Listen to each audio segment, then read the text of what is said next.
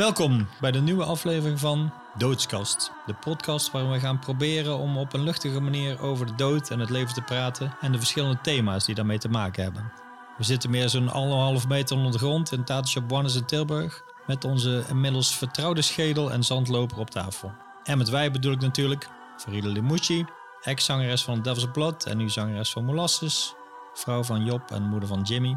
Maar op zichzelf is er natuurlijk ook iemand. You're damn right I'm somebody. En ik ben Darko Groenhagen, kunstenaar tatoeëerder, vader van Jago en Cisco, eigenaar van deze tatenshop en dit is de derde aflevering getiteld Kermis in de Hel.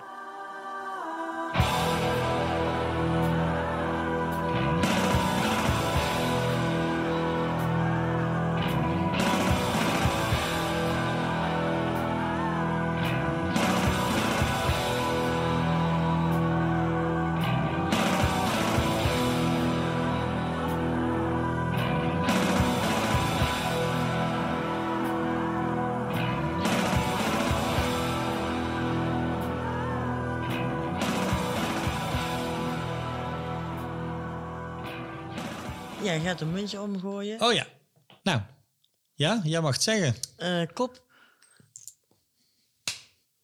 En je hebt gewonnen. Nou, net, net wat je wou. dat was precies wat ik wilde.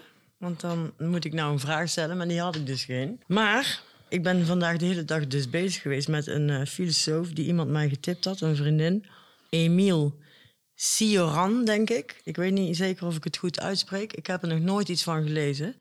Maar ehm, nu allerlei quotes al de hele dag. En eh, dat is echt best wel een hele donkere, ja, soort pessimistische filosoof, denk ik. Met hele interessante dingen allemaal. Dus die boeken die ga ik zeker allemaal halen. En hier staat een vraag en die ga ik dus nou gewoon eh, aan jou stellen. Of althans, ik ga die quote even oplezen en dan daar zit een vraag in. eh, in het Engels. Tell me how you want to die and I'll tell you who you are. Oké, Dus dat vind ik wel een mooie. Want ik heb al wel een- in een paar van die dingen zitten lezen dat hij zegt eigenlijk de manier waarop iemand doodgaat zegt heel veel over hoe die geleefd heeft. Dus misschien als je een idee hebt van hoe je zou willen sterven, dat dat dus iets over jou zegt. Dus daar gaan wij deze podcast aan besteden. Wie ben jij eigenlijk? Waarom? oké. Ja, dat is wel mooi. Ik denk wel inderdaad ook, eh, dat is sowieso een mooi thema, dat de manier waarop je sterft eh, wel iets zegt over eh, ja, wat voor leven je hebt gehad. En niet per se omdat je daarvoor kiest of zo. Je kunt natuurlijk zeggen van hoe zou ik het liefst dood willen gaan. Maar dat is niet gezegd dat ook zo gaat gebeuren. Nee, dat weet je niet altijd van tevoren. Nee. Nee, maar toch eh, kan het zeg maar, misschien is het ook achteraf gelullen. Dan denk ik, nou, past het precies bij hem. Maar ja, dat, dan komt het er goed uit. Ik bedoel te zeggen dat, ehm, ja, soms dat, zo komt dat, kan, kan heel erg mooi of poëtisch zijn ook. Zo is bijvoorbeeld eh een oma, de moeder van mijn moeder. Die is, eh, n- denk 90 jaar geworden of zo.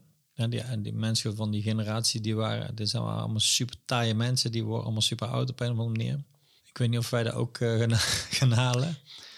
Maar eh, die was echt oud en die had een versleten heup en die was blind geworden en, en allerlei dingen natuurlijk. En die bleef maar leven. En dat was een hele realistische eh, eh, iemand, zeg maar. Maar die was wel op een gegeven moment echt voor het klaar mee. Ik kan me nog herinneren dat ze op een gegeven moment eh, had gedroomd dat ze dood was gegaan en dat er heel, dat heel vredig was geweest. Een paar maanden voordat ze echt dood ging. En dat ze toen wakker werd en gruwelijk baalde. Echt, baalde echt. Die had echt zoiets van, oh, dat was hartstikke fijn. En nou ben ik weer terug, godverdomme. Maar goed, die is uiteindelijk, eh, heeft hij een TIA gehad. En die woonde bij mijn tante in huis. En die had drie dochters. En die dochters, dus mijn moeder en, en haar twee zussen. En die hebben om de beurt bij haar gewaakt, zeg maar, in die tijd. En op het moment dat ze er met z'n drieën waren... en haar optilden om het bed te verschonen, is ze gestorven. Oh, dat is best bijzonder. Dat is toch mooi, Ja. of niet? Zo, Dat je zeg maar door alle drie dochters opgetild wordt en dan de gaat. ja. Het is echt een soort, eh, ja, super poëtisch eigenlijk. De- ja. ja, bijna dat je het niet mooi kan bedenken. En zegt dat dan iets over haar leven? Ik vind het heel mooi en ik denk ook dat daar een soort uh, bijzonder liefdevol moment is geweest op een bepaalde manier.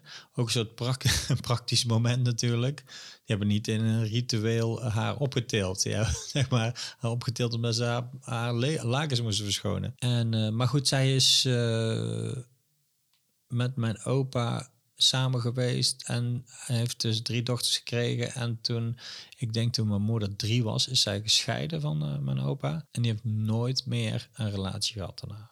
Dus daar uh, denk ik heeft weinig uh, 60 jaar geduurd. Zeg, maar dat is de, gescheiden sowieso in die tijd ja. is wel ja. heel bijzonder. Dat ja. deed je niet zo nee. makkelijk.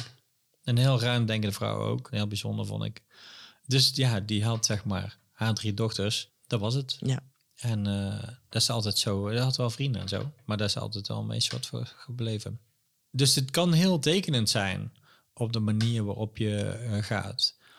Of heel markant of uh, iets symbolisch. Nou, misschien eigenlijk alles wat om het sterven heen gebeurt, krijgt een bepaalde lading of een bepaalde symboliek, toch?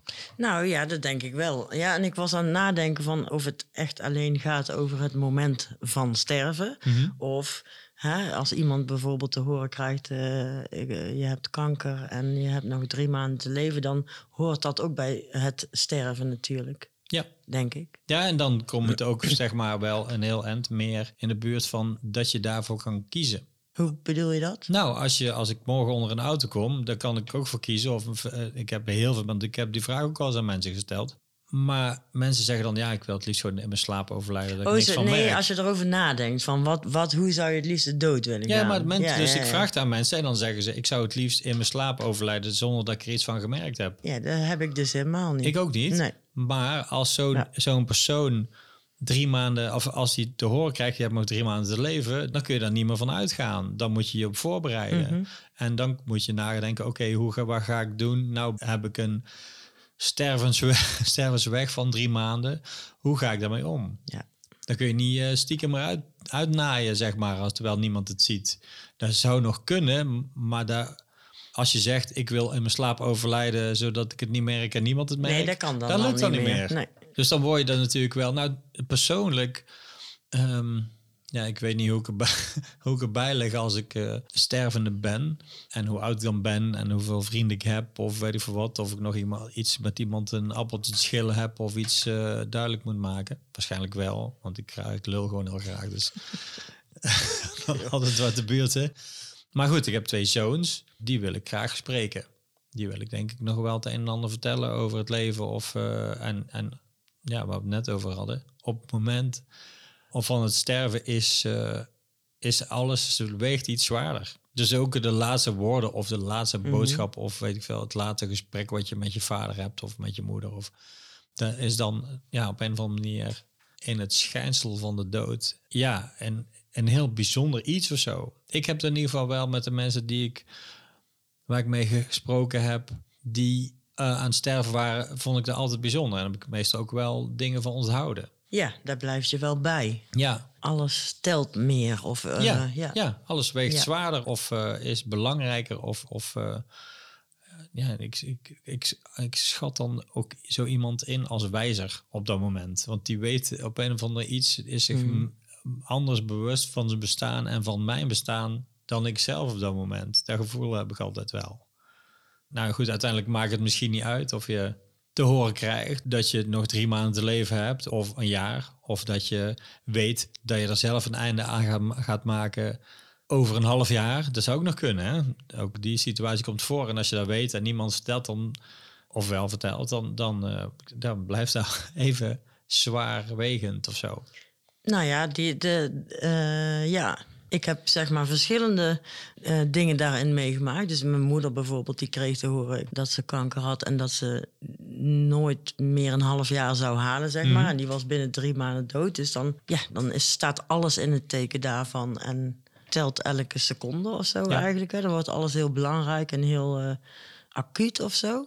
Maar ik heb dus ook eh, geleefd met een broer die altijd heeft gezegd: ik ga, ik ga dat doen, een Ja. keer Ja. Ja, dan verandert dat wel. Want je kunt niet de hele tijd het zo, eh, Zo bekijken. zo bekijken bijna. Want dan, dat, dat, dat is niet te doen. Nou, het is wel interessant, want ik heb bijvoorbeeld, we hadden het vorige keer over dat ik 50 ben geworden. Inmiddels ben je ook eh, 50 geworden.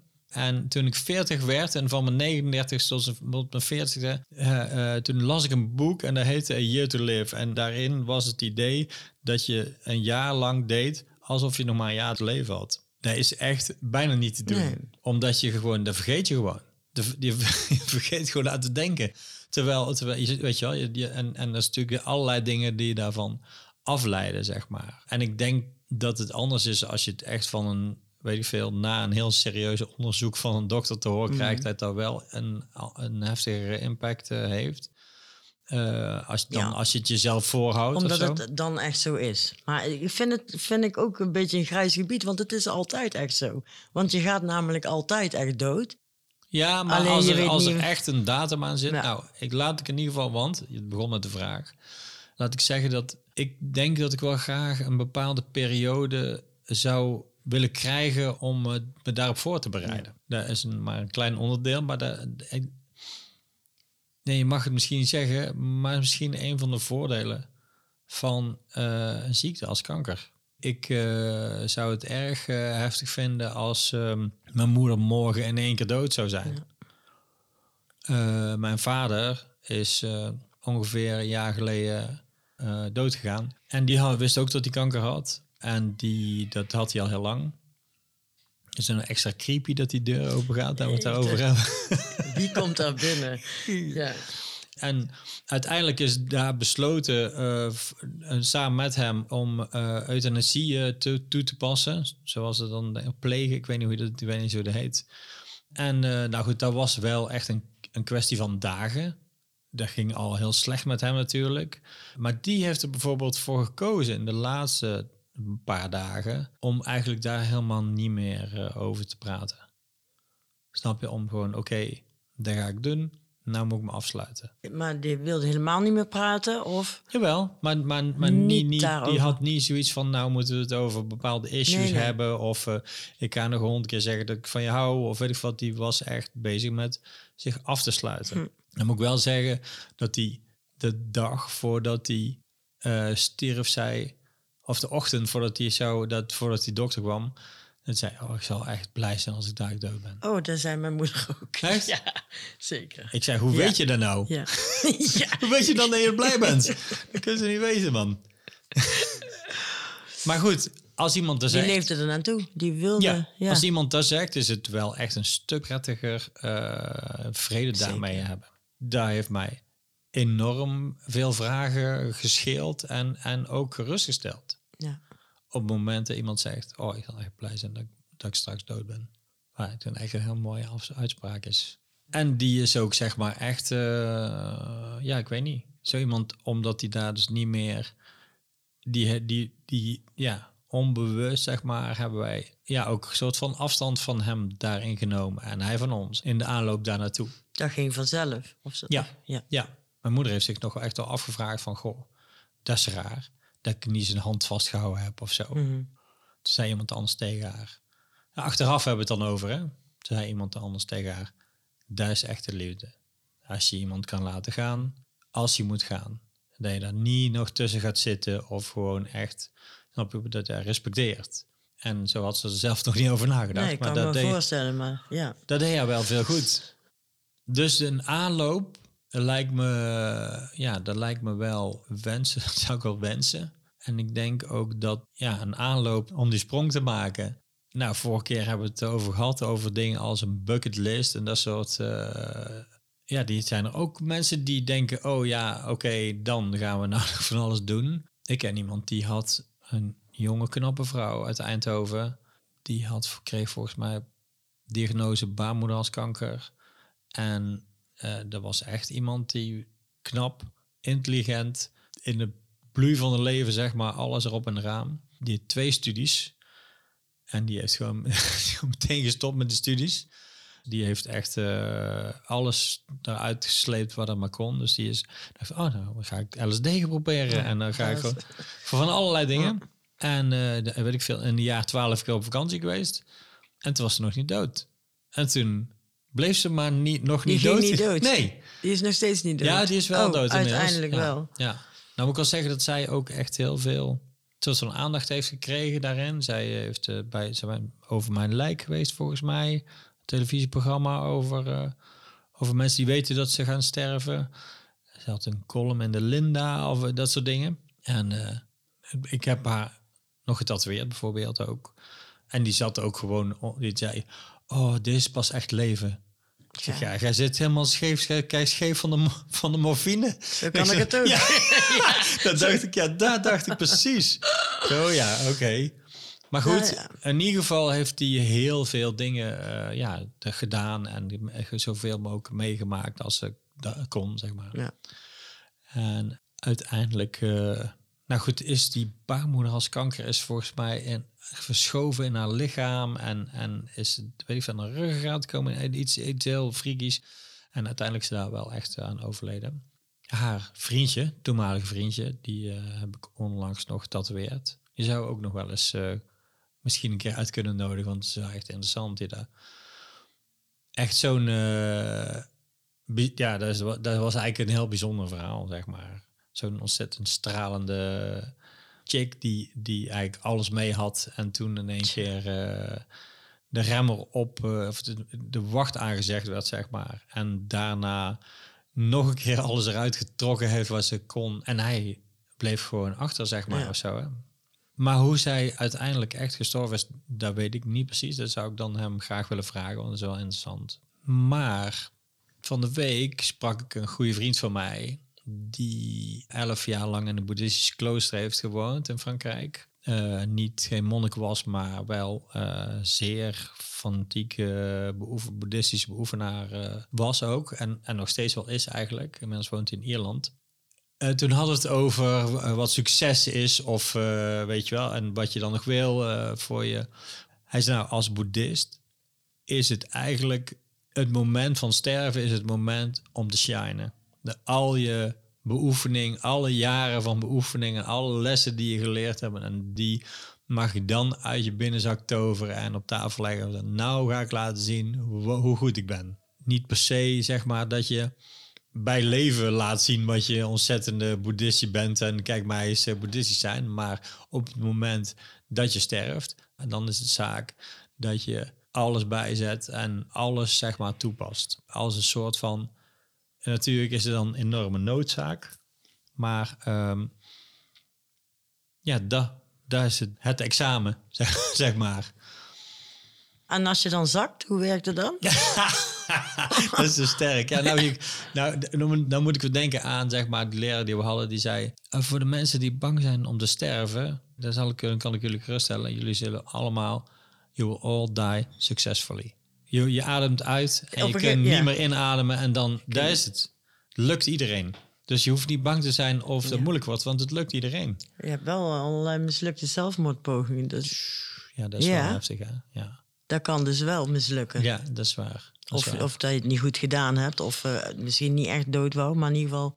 Nee, er gaan, mensen proberen het. Met volgens Ja. mij toch wel de intentie om dood te gaan. Ja, dat weet ik niet. Kun je ook nog over discussiëren natuurlijk. Ja. Want anders was het wel gelukt, zou je kunnen zeggen. Maar eh, het lukt niet altijd. Nee, nee. Nou ja, goed, het gaat natuurlijk eigenlijk over uh, succesvol sterven is natuurlijk eigenlijk... Dat is sowieso geen eh, zelfdoding, denk ik. hè.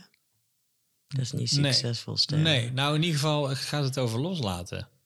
Alles wat je weet en kent, moet je opgeven. Ja, Alles waar je bent, verwend bent op te vertrouwen, dat is er niet meer. En ja, gewoon één stap in het, in het ongewisse, zeg maar. Waarvan je niet eens weet of het er is of niet. Hoe is het ook weer? The timeless time, the endless end. space is space. Ja, nog één. Neither here nor there. Ja, Eh, dat. Ja, Dat zijn allemaal dingen, dingen die je gewend bent om op te rekenen en om, om mee te rekenen en, en op te vertrouwen in je leven, bij leven en welzijn, dat die er altijd zullen zijn. En dan daarna, Ja. wat er na de drempel komt, dan moet je opgeven. het kan wel echt op veel manieren. Ik zit nou even te denken, want ehm, mijn ervaring om mij heen... van mensen die ik zeg maar van dichtbij heb zien sterven... is het uiteindelijk het merendeel... degene die aan het sterven is zelf, die er eigenlijk heel... Ja, die, die dat goed doet, zeg maar, die het los kan laten... en, en langzaam zeg maar, naar dat punt toe kan gaan. Maar vooral vaak de mensen eromheen die dus daar heel veel moeite mee hebben. Ja, En dat allemaal niet willen of tegenhouden. Of, of eh, Ja, of, of gewoon het zeggen van kom op. ja, bijvoorbeeld. je terwijl moet iemand, vechten. Ja, ja, Ja, ja, ja, ja, ja. En dat best wel ja, heel lang volhouden ook. Terwijl het echt super duidelijk is van ja, maar hè, dat je eigenlijk zegt tegen iemand van joh, ga maar, het is goed Ja. zo, laat maar Ja. los, dat mag. Maar dat we die nog allemaal met mannenmacht hier willen houden. Of, eh, ja. Ja, ik heb wel eens ooit iemand aangemoedigd om te sterven. ja, heb ik ook wel eens gedaan. Ja. Ja. En dat voelt, eh, dat vond ik belangrijk om te doen. Eh, maar ergens is daar een controversieel gevoel. Zo, doe maar, ga maar dood. Ga Maar- maar lekker dood. Ja, ja dat Ja. is het ding. Ja. Ja, zeker. Ik werkte, ik kwam in een tattoo shop in Stuttgart. Die tattoo shop was van een, een tatoeëerder geweest. Die tatoeëerder was overleden en zijn vrouw had die tattoo shop. Die heeft aan een jongen uit Engeland gevraagd, wil je komen werken? Dan ben jij de tatoeëerder in deze shop. Dat wou die wel. Maar goed, die vrouw was nog steeds ook in die shop. Een aardige vrouw, Barbara. Dus die heb ik over de jaren leren kennen, omdat ik daar vaak getatoeëerd werd. En eh, daar kon ik ook goed mee opschieten. Ik heb toen die gast... eh, ik heb in zijn shop gewerkt toen hij er niet was. En bij haar ben ik, heb ik verbleven en zo. Dus eh, ik ken haar best goed. En uiteindelijk heeft zij kanker gekregen. En, eh, eh, maar zij was... Hoe noem je dat? Een, Ba- een Barbara de Bavaria noemde ik, noem haar altijd. De Bavarian Bavaria. Ba- Ba- Nee, zij, was, zij kwam uit Bavaria. Oh. En daar zijn, ja, daar zijn sterke mensen, zeg maar. Maar ik vond het een soort Conan de Bavarian, maar dan Barbara de Bavarian. In ieder geval, eh, zij was nogal eh, een, een fel eh, persoon, zeg maar. En daar kwam er nogal uit toen ze ziek werd. En ze begon heel hard te knokken tegen die ziekte. Dat werd steeds heftiger. En maar zij werd natuurlijk ook steeds zieker. En dus ik had met die tatoeëerder sprak ik. Had haar nog wel gezien toen ze ziek was. En toen merkte de al, maar hij, hij vertelde maar, maar Darko, zij wordt echt erg agressief. Mm. Agressief en verbeten en zo. Terwijl ja, iedereen ziet dat het steeds slechter gaat met haar. En dat je op een gegeven moment iets op moet geven. Uiteindelijk was het zo slecht dat ze in een hospice lag. Een oog kwijt was. Zo enzovoort. Weet je wel, echt, echt bad. Maar zij was nog steeds eh, eh, aan het vechten. En ja, die tatoeëerde... Ik had een telefoongesprek met hem en toen zei hij van ja... Ik word er heel verdrietig van om het te zien, weet je wel. Want het is gewoon een ongelijke strijd, dus niet te winnen. En toen eh, heb ik daar nog over nagedacht. Toen heb ik haar een brief gestuurd, of ook geschreven van... Luister, je kunt niks meer winnen. Je kunt alleen maar iets winnen door het op te geven. Anders, ja, je, je, verliest, je verliest het, weet je. Hoe harder je vecht, hoe, hoe meer je verliest, zeg maar. En, en eh, op dat moment kon ik, zeg maar, ja, ik kon het precies het, goede gevoel en op een, weet je wel, uit een spontane manier kon ik dat opschrijven. En uit een, weet je wel, uit een, uit een liefdevol hart, omdat eh, anders kun je dat niet opschrijven natuurlijk. Ja, ik heb haar echt aangemoedigd van la- laat het alsjeblieft gaan. De, de enige waar je iets mee te winnen hebt is met het laten gaan. Niet alleen voor jezelf natuurlijk, maar ook voor de mensen om je heen. Nou goed, uiteindelijk vertelde die tatoeëerder dat hij die brief aan haar had voorgelezen. En ja, ik ze een dag later of twee dagen later was overleden. Dat is niet gezegd dat dat op mijn brief komt. Nee. Maar, maar Ze had wel iets nodig, denk ik. Tenminste. Ja, ja, ja. en misschien zijn, jij weet ik veel, als je een dochter bent van iemand, is dat heel moeilijk om te zeggen van ga maar. Of, of eh, sommige. En helemaal als je eigenlijk ziet dat iemand niet wil gaan, moet je dan wel zeggen van nou, doe niet zo stom. Ehm, lastig denk ik als je daar heel dichtbij bent. En, en als je ingewikkelde verhoudingen hebt, eh, ontwikkeld in je hele leven. En op dat moment, zeg maar, ja, dus het kan heel. eh, nou goed, anyway, ik voelde het zo en ik Ja. vond dat ik het op moest schrijven. Maar goed, dat je met iemand neukt en dat je dan tegelijkertijd klaarkomt en het huis instort. Dat lijkt me een goede manier om dood te gaan. Jezus. Heb je daar al van tevoren een keer over ik nagedacht? over, ja, zeker. Ja. Goed. Hoezo? Dat is toch je- een soort van, dat is dan toch een soort ultieme, eh, dan, dan, dat is pas echt legendarisch, man. Je denkt, ah, dan stort eruit. Nou, dat, dat is gewoon, dat is, dus de cancel weer gaat niet. Dat is gewoon ideaal. Waarom niet? Ja, ik weet niet. Ik, zit, er- ik ben me dat aan het voorstellen, maar dat lijkt me helemaal niet leuk. Nee, maar goed, dan ben je er in één klap helemaal in extase. En dan ben je in één klap ook vanaf. samen met je partner op dat moment. Ik weet niet. Zul je En dan- zien dat die blijft leven. Dat is toch hartstikke Ja, maar dan, zo heb je wel iemand die dan kan zeggen van, nou ja, Ja. dat ging sowieso. Want ja, je kunt, ik zit, ik zit, Dus- het zou wel balen zijn dat mensen dan niet weten dat je eigenlijk op dat moment klaar kwam. Want dan, dan daarom stortte de huis in. Ik bedoel, zo... zo, Ah, zo, het was gewoon Ja. vuurwerk. Ja, Oké. ja. Ja, die had, dat, dat begreep ik even niet hoor. Maar oké. Maar dat is een stripverhaaltje, verhaaltje, toch? Ja, nou ja, maar Oh goed, als we toch, eh, we kunnen er toch gewoon zo vrij eh, over zijn over hoe we, dat, Ja, hoe we dat willen. Hoe zou jij dat willen? Ja, de- In het harnas, zoals ze zeggen, zo op het Op het podium, of zoiets. Zoals Tommy Cooper. terwijl je aan het zingen bent. Zo, eh, en dat niemand het door heeft. Dan denk ik, wat gaat die nou weer doen? Ja. Nou, of gewoon na het beste optreden wat je ooit gegeven hebt. Of na je, weet ik veel, de 28e comeback die je gedaan hebt. Oké, What the fuck? De achter- ik doe hem niet aan oké, comebacks, oké. joh. Nee, dat is goed. Gaan we zo beginnen? Nee, nee, ik, maar goed. We kun- Ja, het Ja. is eigenlijk, je kunt er zo vrij over denken Nee, maar wil. ik, ik, ik heb niet eh, zo'n zo'n beeld daarvan. En, want ik denk serieus van, ja, als ik nou... eh, ik zou het wel gaaf vinden om het te weten van tevoren. Zodat Mhm. je het op een goede manier kan afsluiten. Dat lijkt me wel eh, Nou, wat wil, je fijn. dan, wat wil je dan precies weten? De tijd?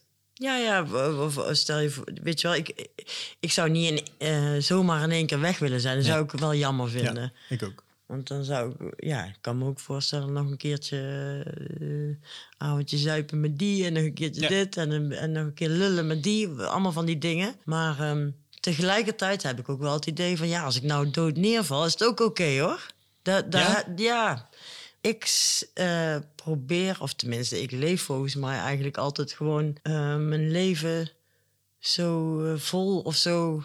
Hoe zeg, hoe, ik kan niet het goede woord vinden. Ik doe gewoon heel wat ik allemaal wil doen en ik zeg wat ik wil zeggen en dat doe ik eigenlijk altijd. Dus er is niks meer eh, voor mij om af te maken of ik moet nog eigenlijk iets oplossen of ik heb. Ik ben heel tevreden over al die dingen. Dus wat dat betreft kan ik zo dood neervallen, is het goed. En dan is er voor, ja. Maar dat is ook niet leuk. Ik zou het wel leuk vinden om met mijn kind nog... eh, Aan wie zou je je laatste gedachten spenderen? aan wie zou ik mijn laatste gedachten spenderen? Yeah. Ik zou namelijk, als, ik, als je heel erg f- spirituele beoefening doet, maakt niet zoveel uit wat, of zelfs religieuze beoefening, dan is natuurlijk het meest ideale dat je op het moment van sterven opgaat in het grootste geheel wat er is. In, Ja. in God of, of wat, net eender wat. En dan is het dus zaak om het, mo- op het moment daarvan, om daar dan de vertegenwoordigheid van geest bij te hebben, om daar dan zeg maar helemaal aan een, een volle overgave in op te gaan.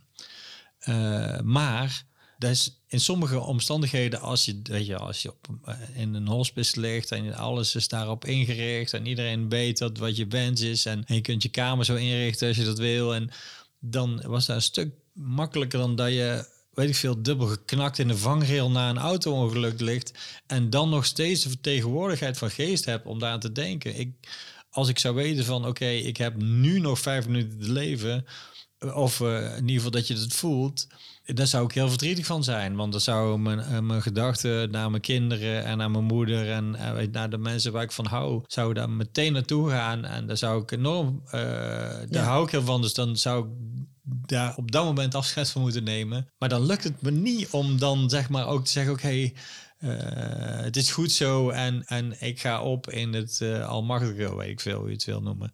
In de oneness, zoals ik het dan zelfs graag noem.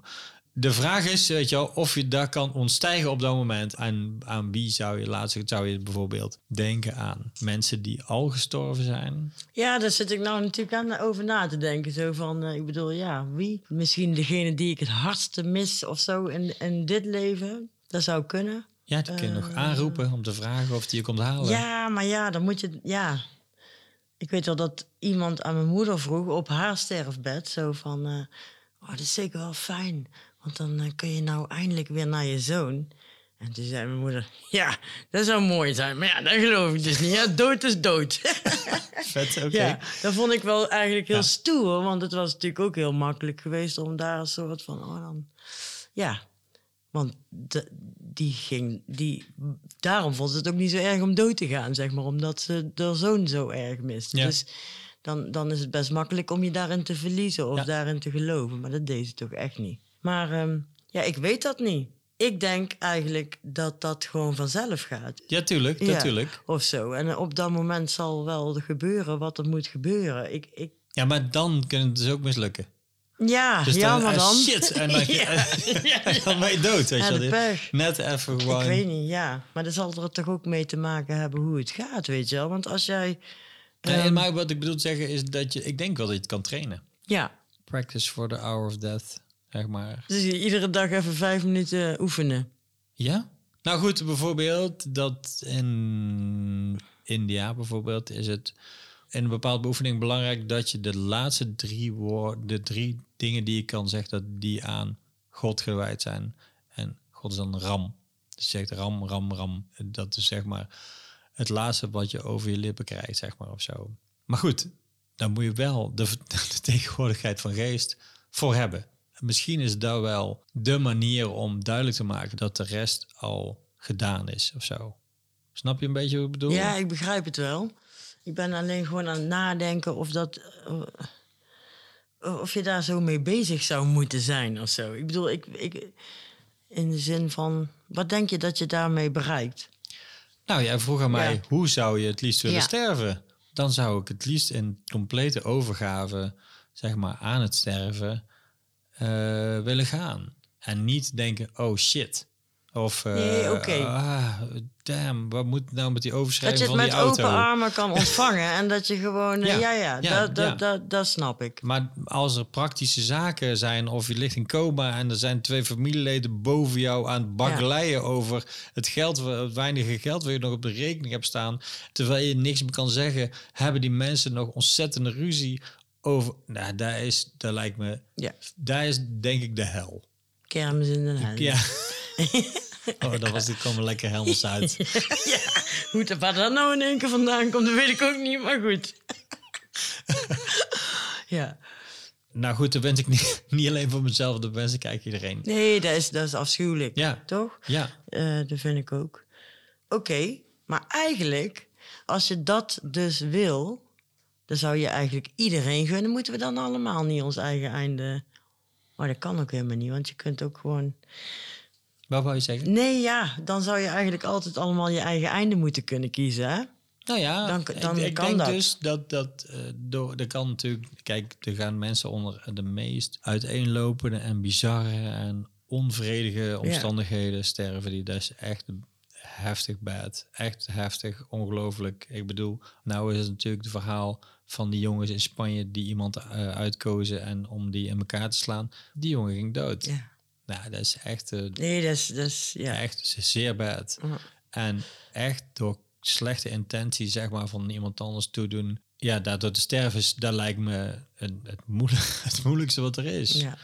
Hoe kun je dan opgaan op dat moment in vrede en in en, en liefde en jezelf op laten los in het licht. Terwijl iemand je tegen, met- zijn dronken harses tegen je kop staat te beuken. Dat is heel ingewikkeld. Mm. Als je een hele goede beoefenaar bent en er heel hard op beoefend hebt, dan zou dat misschien kunnen. Daarom is het misschien zaak om daarop te oefenen. Maar ehm, of in oorlogen of in, in. Er zijn allerlei nare dingen te bedenken. Overstromingen, noem maar Nee, wat. dat, is- echt heel bad. dat gaat de hele tijd door. hè? Ja, ja.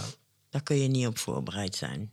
Dat geloof ik toch niet. Nee, dat is. Nee, nee. Nou goed. Terwijl je wel net zelf zegt. Ja. Als ik nou dood zou gaan, Ja. dan zou ik het kunnen loslaten. Omdat ik geen spijt heb of geen eh, dingen die Ja, maar ik ben laten liggen. 50. Ik ben niet eh, Nee, is waar. 15 die Nee, eh, een, is een jongetje van 15 die neergestoken wordt. Ja. Of eh, weet je wel? Ja. Dat is wel anders natuurlijk. Dat kon, dit zei ik denk ik niet toen ik 18 was. Toen zei ik hele andere dingen. ik zag meteen, meteen een flashback. Maar ehm, ja. En dan word ik dan met een scheer naar Ja, nou toen wilde ik ook wel dood, maar dat was niet zozeer, of dood. Toen was ik vooral heel kwaad. Toen vond ik het leven echt verschrikkelijk. Maar toen was ik daar niet op deze manier op voorbereid. Maar toen had ik wel zoiets van, was ik er maar gewoon niet. Ja, Ja, dat is weer iets anders Ja, dat is natuurlijk. anders. Ja. ja, dat snap ik wel. Dat heb ik ook wel gehad trouwens. Maar dat was omdat ik veel te dramatisch was. En ik veel mijn vriendinnetje het uitgemaakt had zo. Ja, ik hoef niet meer. Echt? Ja. Maar goed, dan Ja. uiteindelijk... Nee, eh, maar, hey, we- dat doet dan gewoon dus heel erg veel pijn. Is dan, of, of overdreef jij een klein beetje? Ik, eh, ja, uiteindelijk overdreef ik Ja. wel. Maar goed, ik, dat is wel ook een beetje mijn dramatische inslag. Maar goed, gelukkig zijn er dan, kun je jezelf dan vinden in bands als Suicidal Tendencies. die ook gewoon eh, blijven eh, bestaan. En dan Ja. gegeven moment een plaat maken die heet Suicidal for Life. dacht ik, dat is een mooie titel. Want eh, ja, dat is wel echt zo, weet je wel. Uiteindelijk moet je daar dus iets mee. Ik ben suicidal, maar ik blijf toch, le Ja. blijf toch leven. Dan ben je suicidal for life. Ik vond een mooie, eh, hoe zeg je dat? Contradictie in termino. Schijnbare tegenstellingen Ja. in één in één gezegdswijze. En, de- maar goed, dat was gewoon omdat ik zielig was en niet omdat ik boos was, denk ik. Ja, ik was heel boos, maar ik was eigenlijk heel zielig. maar ja, daar kunnen we wel een andere podcast aan besteden, een keer misschien. Nee, maar Nou ja, goed, jij zegt eh, 50 en, en ik... ehm, ja, En- nee, ja ik, ik, ik, eh, eh, zeg maar, ik voel het als ik heb echt eh, hele gave dingen in mijn leven meegemaakt, hele, hele verschrikkelijke dingen in mijn leven meegemaakt. Ik, ik heb best wel goed gewoon, ehm, ik ehm, heb gewoon een goed leven met al die dingen erin en er doorheen verweven. En eh, ik vind het best oké, ook al is het leven één groot tranendal, Ja.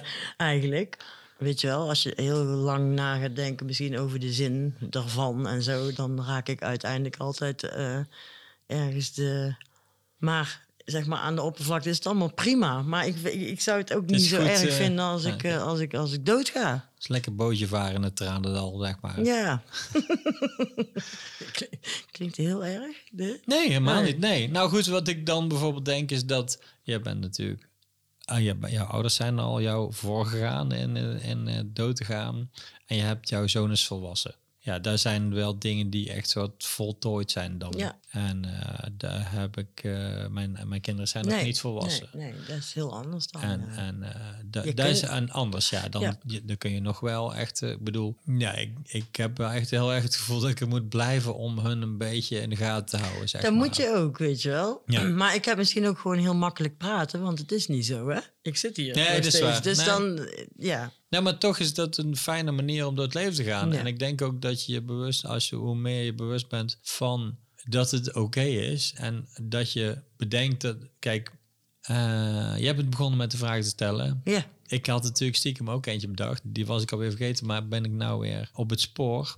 Of zeg maar in het met de dood te leven, zeg maar in nabijheid of in je bewustzijn of zo, worden dan dingen lichter of worden ze dan zwaarder?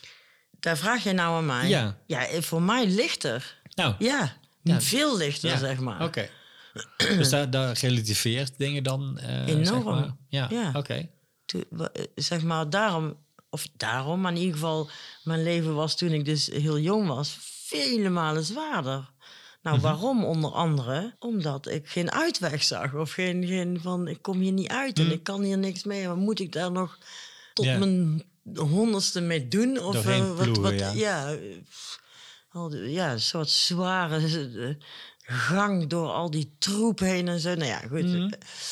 Ehm, maar nu, eh, of nee, op het moment dat je, dat, dat je erachter komt van hé, hey, het is allemaal vergankelijk Mhm. en het eh, gaat gewoon over. En, Het gaat ehm, door. Ja, het gaat gewoon door. En kijk, ja, en natuurlijk ook gewoon ouder worden en zo. Hè? Maar, je, maar ik, als je, hoe meer dood en verderf en al die dingen je om je heen ziet, hoe, hoe minder zwaar die last van mij eigenlijk wordt. Oké, dat Maar kan dat ik. doelde jij niet helemaal Nee, op, ja, dat wel. Zeker wel. Nee, Ah. zeker wel. Kijk, je, je kunt zeg maar het zien van oké, eh, het is allemaal nutteloos en we gaan toch allemaal dood en wij heeft het nou voor zin en eh, weet je wel. Ja. Waarom zou je toch iets eh, verzamelen of geld sparen of je best doen ergens voor omdat je toch doodgaat? Daardoor kan heel, alles heel zwaar, worden, weet je wel. Ik stuurde jou een, een quote van een rouwkaart waarop stond: Het is vreemd, maar ook vreemd mooi te bedenken dat ooit niemand meer zal weten dat we hebben geleefd.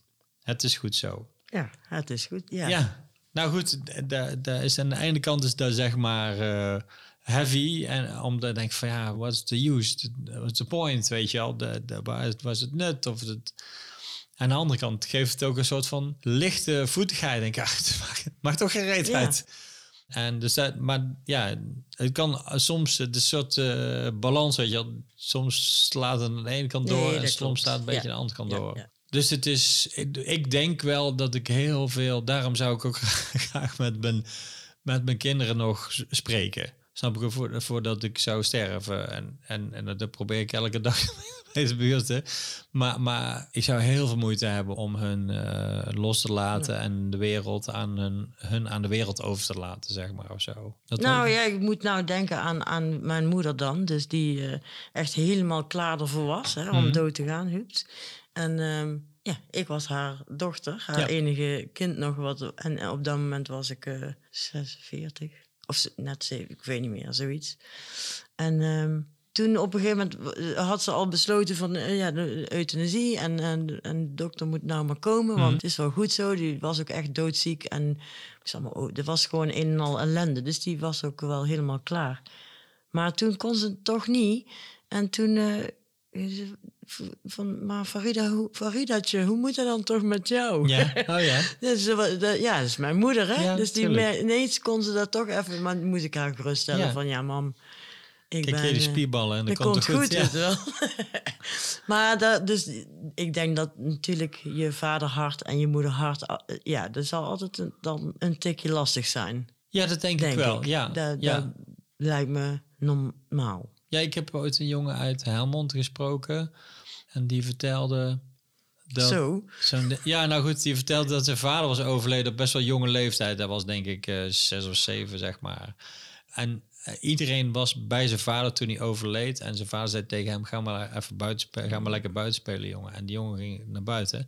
En toen Toen overleed zijn vader. dood. Ja, dat is... En, en die jongen was, weet ik veel, ergens in de veertig. En die vond het nog steeds Nee, kut. dat snap ik. Dat lijkt me verschrikkelijk ook. Ja. Eh, Die kon dat niet, die vader. nee, Ja, Maar goed, hij begreep het niet. En ik denk niet dat iemand het hem had uitgelegd. kan je... Nee.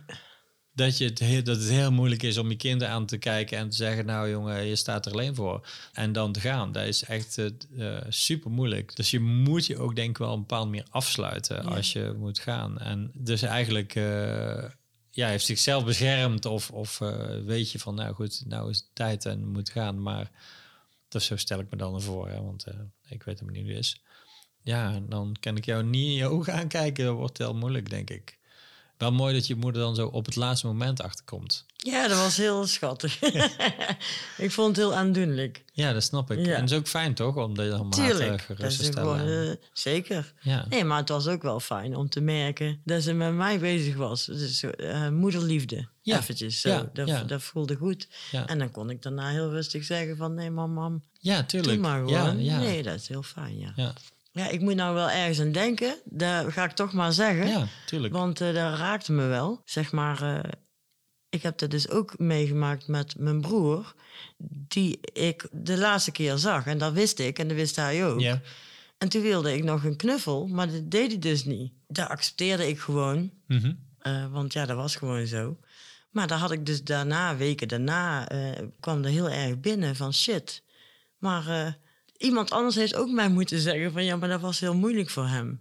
ja. Want ik kon, dus ook al ben ik dan volwassen en ehm, kan ik daar zelf eigenlijk bedenken, zelfs dat kan je dan dus op dat moment niet. Nee. Dus ook al ben je zeven of ben je vijftig of ben je eh, tachtig, denk Nee. ik dat je daar dan op dat moment niet volwassen mee om kan gaan of zo. Even. Ja. Nou zeker, dat is Ja. een heel interessant Ja. gegeven. Het is heel Ja. interessant wat er voor gevoelens overblijven Ja. voor degene. Hè? Ik, heb, ik heb een boekje voor jou gekregen over rouwverwerking. Daar heb ik zitten lezen, een gedeelte daarvan. En de rest ga ik nog lezen. Is naslagwerk, hè? dat hoef je niet Oké. te lezen. En, en daar staat bijvoorbeeld dat er allerlei emoties op kunnen komen als iemand overleden. Gewoon random. Dat je ook in één keer kwaad kan worden Ja. of gefrustreerd. Of, en eh, dat je daar eigenlijk helemaal geen, eh, soms heel irrationeel is of helemaal geen controle over hebt of zo. En dan vroeg ik me af hoe dat zou komen. Nou, misschien moeten we daar een psy- psycholoog voor vragen of zo. Ja.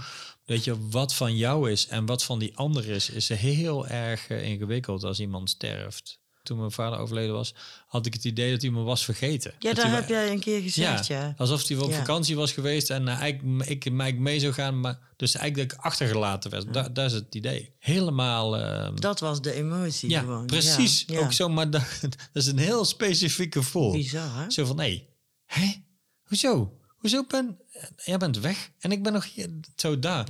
En, en uh, vond ik heel bijzonder om daar mee te maken. En met nou, wat je zegt, zo, ja, wat van jou is en wat je mist in iemand en wat je had kunnen krijgen toen hij er nog was. Ja.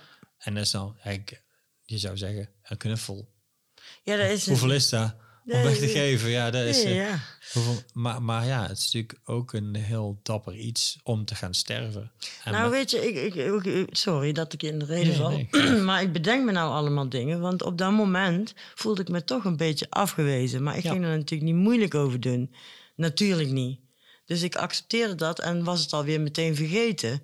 Maar later kwam dat terug. Maar dan moest eh, Joop, mijn vriend, mij erop wijzen van... ja, maar draai het eens om, weet je Ja. wel. Dat had ik nog helemaal niet kunnen bedenken... terwijl ik normaal gesproken heel goed ben in die dingen.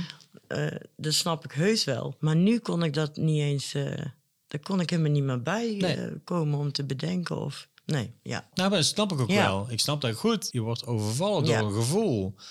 Dat gevoel is enorm aanwezig en dat weet ik veel. Dat neemt je over je Ja, gevoel, dat is wel allesomvattend. Ja, dat staat zo ver van je beredenering af of zo. En dan kan je zo over mannen, zeg maar. Wat eigenlijk heel over vrouwen, Ja. weet ik veel. Over genderen. Genderbeemd. maar maar dat, ja, dat er helemaal voor die ratio helemaal geen plek is of zo. En precies wat je zegt, hè, als er iemand eh, aan het sterven is en mensen kom op, je moet vechten en zo. Die, eh, ja, daar zeggen ze ja, misschien wel heel vaak niet voor die ander. Nee. Dat zeggen ze voor zichzelf, omdat dat het fijnste is. Of daar heb ik wel geleerd, zeg maar, door, zeg maar, nou, ik moest heel eerlijk zeggen, de boeddhisme gaat natuurlijk echt heel veel over doodgaan ook. En hoe je daarmee omgaat. Het draait dan even niet om jou. Het draait om die persoon. Die gaat eh, de grootste stap in zijn leven, of een van de grootste stappen in zijn leven maken. En ehm, dat is fijn als je die persoon daarmee kan helpen. Ja, absoluut. Ja. En alles wat je daarin kan doen is, een, is, een, is iets positiefs eigenlijk. Ja. En zelfs al, weet je wel, trek je op dat moment aan het kortste eind en krijg je er geen bedankje voor. Want daar is natuurlijk het een nadeel eigenlijk van. Maar dan vraag ik me dus af, maar dat is misschien wel weer iets voor een volgende keer. Want wat je dan uiteindelijk dus van nature doet, dat is niet iets wat je kan leren of iets wat je, eh, hoe je daar dan mee omgaat op dat moment. Komt dat niet gewoon echt vanuit je eh, natuur? Dus dat je zeg maar ervoor kiest om hem geen knuffel te... Ja, dat dat dus vanzelf. Ik voelde Ja. wel afwijzing, Ja. maar ging er toch niet tegenin. Maar later wist ik niet eigenlijk waarom. Dus dan is dat iets, dat gaat vanzelf. Dat ging dus vanzelf. Ja, ja maar het is, het heeft ook een tegenstelling. Hè? Je laat merken dat je van hem houdt, zonder dat je laat merken dat je van hem houdt. Dus je, normaal gesproken geef je hem een knuffel om te laten merken dat je van hem houdt. En dan geef je hem geen knuffel om hem te laten merken dat je van Nee, hem ja, houdt. ja, ja. En dat is natuurlijk iets raars. Nee, ja, da- da- en daar zit er natuurlijk al helemaal in verweven. Ja, Er klopt helemaal niks van. Of nee, er klopt van Nee, alles dat is een van, heel dat is, dat is dat is, een- dat is ja. heel tegen, bijna tegen natuurlijk Ja. eh, fenomeen. ik denk wel dat dat een soort van essentie is. Ja, Dat je zeg maar iemand eh, door hem lief te hebben hem op moet geven. Dat is eigenlijk niet wat je gewend bent. nee. Je bent gewend om iemand bij je te houden. Als je van hem houdt. Zo dicht mogelijk bij. Ik wil alles. Ik wil alles weten wat je doet. En ik wil, weet je wel. en, eh, terwijl, ja, dan moet je hem laten gaan voor nooit meer terug te komen. Dat is natuurlijk een soort van contra gevoelsmatig. Ja. Heel erg eh, een rare tegenstelling. Maar wel een soort zoete paradox. Bitterzoet. Ja, toch? Ja. Ergens is het... eh, Nee, het is eh, ook heel mooi. Eh, Betekenisvol ja. is het. Ja, dat is het, ja. Ik vind ook altijd mooi als zeg maar rond het sterven van iemand, daar kun daar is ook kunnen we lang op doorgaan. De symboliek rondom iemand ontstaat. Daar wordt die persoon, die persoon is weg en dan is de symboliek Ja, om ja, die ja. persoon begint te leven of zo. is heel bijzonder. Dat is zeker bijzonder, ja. Wat er gebeurt na je dood. Ja. Ik heb een gedicht. Oké. Eh, wat ik zelf voorgedragen heb op een begrafenis waar wij alle drie bij waren, van eh, Michiel Eikenaar. Daar was ik niet bij. Niet? Nee. Oh, wauw. En ehm dat gedicht heeft een andere vriend van mij geschreven, eh, Andreas. En daar heeft hij al een hele tijd geleden geschreven. En Michiel had, had daar getatoeëerd op hem. Andreas werd gevraagd of hij daarvoor wou lezen op die crematie, maar die wou er niet. Die had het idee dat hij dat niet kon. En eh, ik vond het een hele mooie samenwerking. Dus zeg maar de drager van de tatoeage, de maker van de tatoeage en de maker van het onderwerp van de Ja. tatoeage. Was een hele bijzondere cirkel of zo die zich sloot, zeg maar. De, allemaal respect voor. Ik vind het knap, een knap geschreven gedicht en ik vind het knap dat iemand het op zich laat zetten. En zo vonden we alle drie van elkaar dat dat een bijzonder moment was. En zelf gefilmd ook, dus dat is ook wel eh, eigenlijk best wel nog bijzonderder. Het heet crematie. Crematie. Voor hels hete vuren gestaan, meer gedacht en gevreesd dan gezegd en gedaan van geheimen gehoord en gezwegen. Zand en stenen gesjouwd, de kastelen gebouwd. Niets dan lucht is het alles gebleken. En nu alleen en berooid voor het heetste vuur ooit. En nog nimmer zo rustig gelegen. Moet ik er wel bij vertellen dat Michiel begraven is. Ja. Altijd iets aparts, die jongen. Mooi. Ja, de zandloper die is eh, al een tijdje leeg. Of hoe zeg je dat? Door zijn zand Door heen. zijn zand heen, ja. Ja, maar het leek alsof we eigenlijk eh, of we er van tevoren of we er niks van zouden kunnen maken. Maar het is, eh, ik vond het een heel fijn Ja, gesprek. dat vond ik ook. Wederom. Ja, fijn. Dus ehm, ik zeg nog een keer, vaker doen. Ja, ja dankjewel Farida. Ja, dankjewel Darko. En dankjewel luisteraars. Ja.